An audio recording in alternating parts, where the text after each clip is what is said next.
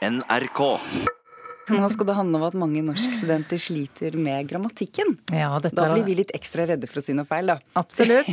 Dette er jo de som skal bli fremtidens norsklærere. Mange av dem mangler elementær kunnskap når de går ut fra videregående. Det sier professor i nordisk språk ved Universitetet i Oslo, Hans Olav Enger. Det er jo det at en del av studentene gjør sånne feil som jeg oppfatter som forholdsvis elementære. Det er jo et poeng at dette er vordende norsklærere. En skulle jo tro at de hadde interesse for skjønnlitteratur og grammatikk og dialekter. Vi har dratt professor Hans Olav Enger ut av varmen på kontoret på Avdelingen for nordisk språk ved Universitetet i Oslo og satt oss ned ved et springvann. Han tror at årsaken til de manglende kunnskapene er at studentene har fått for dårlig opplæring i grunnskolen og på videregående. Det er jo begrensa hva vi kan få til når en del av dem har det bakgrunnsnivået som de har. Hvis en ikke har et språk for å snakke om språk, så blir det også vanskeligere å gjennomføre en litterær lesning, f.eks. Hvis du ikke har enkelte grammatiske begreper, så blir det vanskelig å forklare hvordan forfatteren spiller på språket på den måten som noen forfattere gjør. På Blindern i Oslo har studentene fri. Men vi fant noen av dem likevel. De hadde tatt med seg PC-en ut i sommeren og utgjorde en liten kollokviegruppe. De gir professoren rett i noen av påstandene om at grammatikkundervisningen de har hatt før de ble studenter, har vært varierende. Noen lærere har vært gode på å lære bort, og andre har kanskje ikke hatt like mye fokus på det. Min egen erfaring var at det var for lite fokus på grammatikk på, i grunnskolen. Hvorfor er det viktig da, å kunne grammatikk? Eh, det å kunne norsk grammatikk godt, det å ha en overføringsverdi til andre språkfag, til det å forstå hvordan man skal bygge opp setninger, språk og det å uttrykke seg. Da. Så det er jo en viktig grunnstein for eh, både norskfag, men også for andre fag. Eh, nordiske studenter og nordiske lektorstudenter har jo et ansvar i å lære bort til den kommende generasjon. Da er jo for å Eh, forstå språkstrukturer som en kan ta med seg videre i eh, andre språkfag. Eh, fransk, tysk, engelsk, som òg blir lært, og spansk for så vidt, som òg blir lært på norske skoler. Sa tre av framtidas norsklærere. Det er Utdanningsdirektoratet som har ansvaret for læreplanene. Der arbeides det for en fornyelse av fagene, også norsk, og det viktigste innholdet, kjerneelementene i faget, skal blinkes ut. Bente Heian er seniorrådgiver i direktoratet. Disse utkastene har vært ute på høring, og vi har fått mange gode innspill. Bl.a. når det gjelder grammatikk. Det har vi tatt til følge, og vi har justert utkastet sånn at det kommer tydelig fram at elevene skal ha kunnskaper om og et begrepsapparat for å kunne beskrive grammatiske sider ved språket.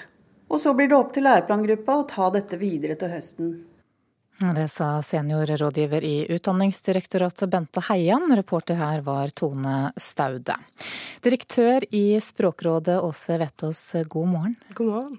I siste utgave av Språknytt, som Språkrådet står bak, så skriver du at når språkstudenter på universitetet mangler grunnleggende kunnskaper i grammatikk, så er det grunn til å spørre seg om selve bunnen i norskfaget har ramlet ut. Har den det? Det er jo grunn til bekymring når vi hører det som både professor Enger og studentene han sier om at eh, de som da søker seg til universitetet for å studere norsk, har så svake grammatikkunnskaper at de må arbeide med de helt enkleste kategoriene, skjønne forskjellen på et substantiv og et subjekt f.eks. Det er kunnskap som elevene burde hatt med seg fra eh, grunnskolen. Mm. Hvorfor er grammatikk så viktig? Grammatikk er selve uh, grunnsteinen, eller grunnmuren i språket vårt. Og for at vi skal kunne bli gode språkbrukere, for at vi skal kunne formulere oss godt skriftlig, for at vi skal kunne skjønne andre sine tekster, så trenger vi den kunnskapen. Det er akkurat det samme som i matematikk. Vi må kunne de grunnleggende regneferdighetene før vi begynner å eksperimentere. Mm. Du var litt innom det her, men kan du gi noen konkrete eksempler på hva det er mange har for lite kunnskap om? Ja, Helt elementære ting som eh, forskjellen på de og dem i skriftlig bokmål f.eks. må en ha kunnskap om grammatikk for å kunne skjønne uh, ordentlig. Det er ikke så lett å vite hvor en skal plassere de og hvor en skal plassere dem, hvis en ikke har den kunnskapen. For veldig mange av oss har ikke den forskjellen i eh, talespråket vårt. Det samme med forskjellen på sine og deres. Eh, her er, det, her er, det, grammatikken som kommer inn, og hvis vi skal kommunisere klart og tydelig, så må vi ha det klart for oss. Tok jentene veskene sine, eller tok de veskene deres? Det gir helt forskjellig uttrykk, og her vil grammatikken hjelpe oss til å kunne skjønne hva som er rett på i, i rett situasjon. Mm. Så sier altså professoren her at uh, de studentene som kommer, har med seg for lite kunnskap fra grunnskolen og videregående. Betyr det at det i dag blir lagt for lite vekt på norsk grammatikk i grunnskolen?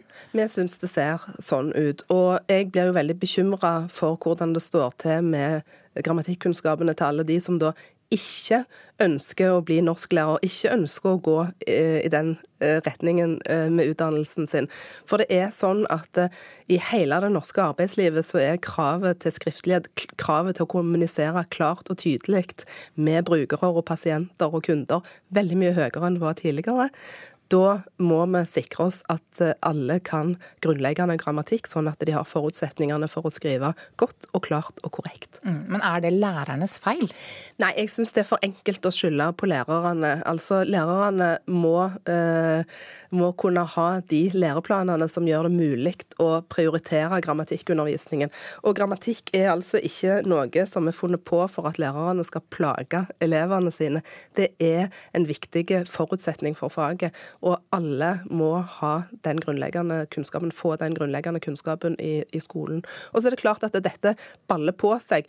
Hvis de nye lærerne heller ikke har hatt god grammatikkunnskap i skolen, så er det vanskeligere for de å formidle god grammatikkunnskap videre. Alt begynner i skolen, og det er der vi må sette inn eh, tiltakene nå. Mm. Du ser for deg en slags ond sirkel her? Ja, for det er jo sånn at hvis vi ikke overfører denne grammatikkunnskapen eh, til de nye elevene og til de nye studentene, så kan vi ikke forutsette at de helt av seg sjøl skal kunne formidle det videre, eller bruke det når de kommer ut i jobb. Direktør i Språkrådet Åse Vetås, takk for at du kom hit til Kulturnytt. Takk. Nå skal vi snakke om det nye Nasjonalmuseet ved Rådhusplassen i Oslo. Kritikken hagler mot dette nye bygget som altså skal stå klart om to år. Kulturreporter Knut Øyvind Hagen, du må fortelle litt hva slags kritikk det er som kommer. Ja, Folk sammenligner den med et fengsel og parkeringshus. Det rømningssikre nasjonalfengselet og klagemuren er blant beskrivelsene som kommer på sosiale medier. Folk på gata sier bygget er anonymt, deprimerende og grått. Og en forbipasserende sier da altså til Aftenposten at han trodde bygget skulle bli et nytt parkeringshus. Og heller ikke det kan vel karakteriseres som et kompliment. Da regner jeg med at de som er ansvarlige for dette prosjektet ikke har de samme reaksjonene? Nei, og Steinar Støre, prosjektdirektør i Statsbygg for det nye Nasjonalmuseet, er den som er sterkest i ordbruken når det gjelder å ta museet i forsvar. Han sier bygget vil bli monumentalt, og at det vil gjøre kritikerne til skamme. Og så skal vi få høre mer om hva de ulike partene mener i Nyhetslunsj. Da kommer bl.a. direktør for Nasjonalmuseet, Karin Hinsbo, og kommenterer kritikken. Det er altså klokka 12.03 i NRK P2 og Alltid nyheter. Du, Vi må snakke litt om Bill Clinton også, USAs tidligere president. Han har skrevet en roman som blir gitt ut denne uken. Hva sier Clinton selv om eh, boka? Han sier i et eh, ferskt intervju at eh, boka, som på norsk får tittelen 'Presidenten er savnet', er svært troverdig. Bokas plott er da at en president forsvinner for å forsøke å hindre et apokalyptisk cyberangrep. Akkurat det kan vel kanskje høres litt fjernt ut for folk flest, men det som nok bør kunne være troverdig, er kommunikasjonen mellom presidenten og de ansatte i Det hvite hus, med andre verdensledere og Secret Service. For eh, etter åtte år i presidentstolen, så bør vel Clinton ha de beste forutsetningene for å kunne beskrive hvordan ting skjer i maktens korridorer. Og så forstår jeg det sånn at han ikke har skrevet denne boken alene? Nei, boka er et samarbeid mellom Clinton og James Patterson, som da er en av verdens bestselgende thrillerforfattere. Boka blir lansert internasjonalt denne uka og kommer ut på norsk i august. Og man kan vel trygt si at det er en bok som vil få mye oppmerksomhet. Nysgjerrigheten er stor når en så markant skikkelse debuterer som romanforfatter. Han har jo da tidligere skrevet sin selvbiografi. Takk skal du ha, kulturreporter Knut Øyvind Hagen. Nå skal du få bli med offshore til TV-serien Rigg 45. Right now, we need to focus on finding whoever this is before someone else gets hurt.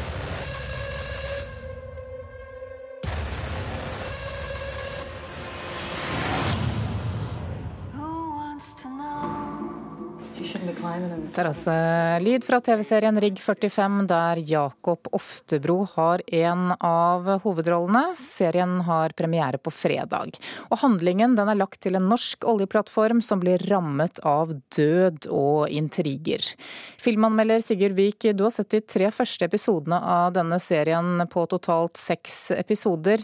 En krimserie lagt til en oljeplattform i Nordsjøen, hvordan fungerer det premisset? Eh, premisset er jo ganske spennende, men serien er vel løst på ganske tradisjonelt eh, påskekrimvis, hvis man kan si det sånn. Det her er veldig likt Agatha Christies gamle mesterverk eh, And Then There Were None, hvor du har en lukk lukka, lukka plass hvor det er en morder som går løs, og så mistenker alle alle.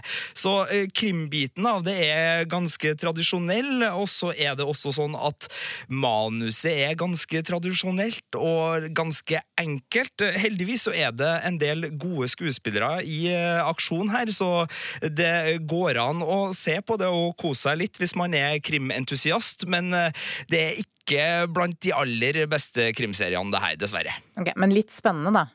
Litt spennende når det gjelder altså, sånn, Jeg aner jo ikke hvem morderen er, eh, halvveis uti, og det er jo et kjempebra opplegg, men allikevel så er det en del sånn eh, hvor folk gjemmer hemmelighetene sine, hvor folk springer, hvordan folk beveger seg. Alt det der er litt sånn forutsigbare monster som i hvert fall de som er serievant og som har sett mye TV, eh, vil bli muligens litt oppgitt av underveis. Vi har jo fått mye krim i denne mørke nordisk noir-sjangeren de siste årene. Hvordan passer Rigg 45 inn eh, der? Sånn Rent fargemessig så, så, passer den inn, for det er jo selvfølgelig forferdelig uvær rundt denne oljeplattformen. Det er juletider, det er mørkt, det er regn. Så, så rent sånn fargepalettmessig så er det lignende som resten. Men når det gjelder miljøskildringene, så er ikke dette en serie som tar seg tid til å dyrke de, sånn som man ellers finner i de nordiske noir-seriene, som da Broen, Forbrytelsen øh, og uh, Mammon osv. Det her er mye enklere krim enn som så. Uh, så. Så den er ikke en sånn direkte nordisk noir-serie for de som elsker den sjangeren, men den har visuelle trekk derfra. Det har den. Mm. Dette er også en nordisk produksjon, men rollegalleriet er internasjonalt med skuespillere både fra Norge, Sverige, Danmark, Finland og Irland. Hvordan fungerer det? Det fungerer egentlig overraskende godt. Jeg ble litt forvirra når man Det er liksom engelsk som er hovedspråket i starten her, for både etterforskeren og, og en del av de som er på plattformen, er da britisk.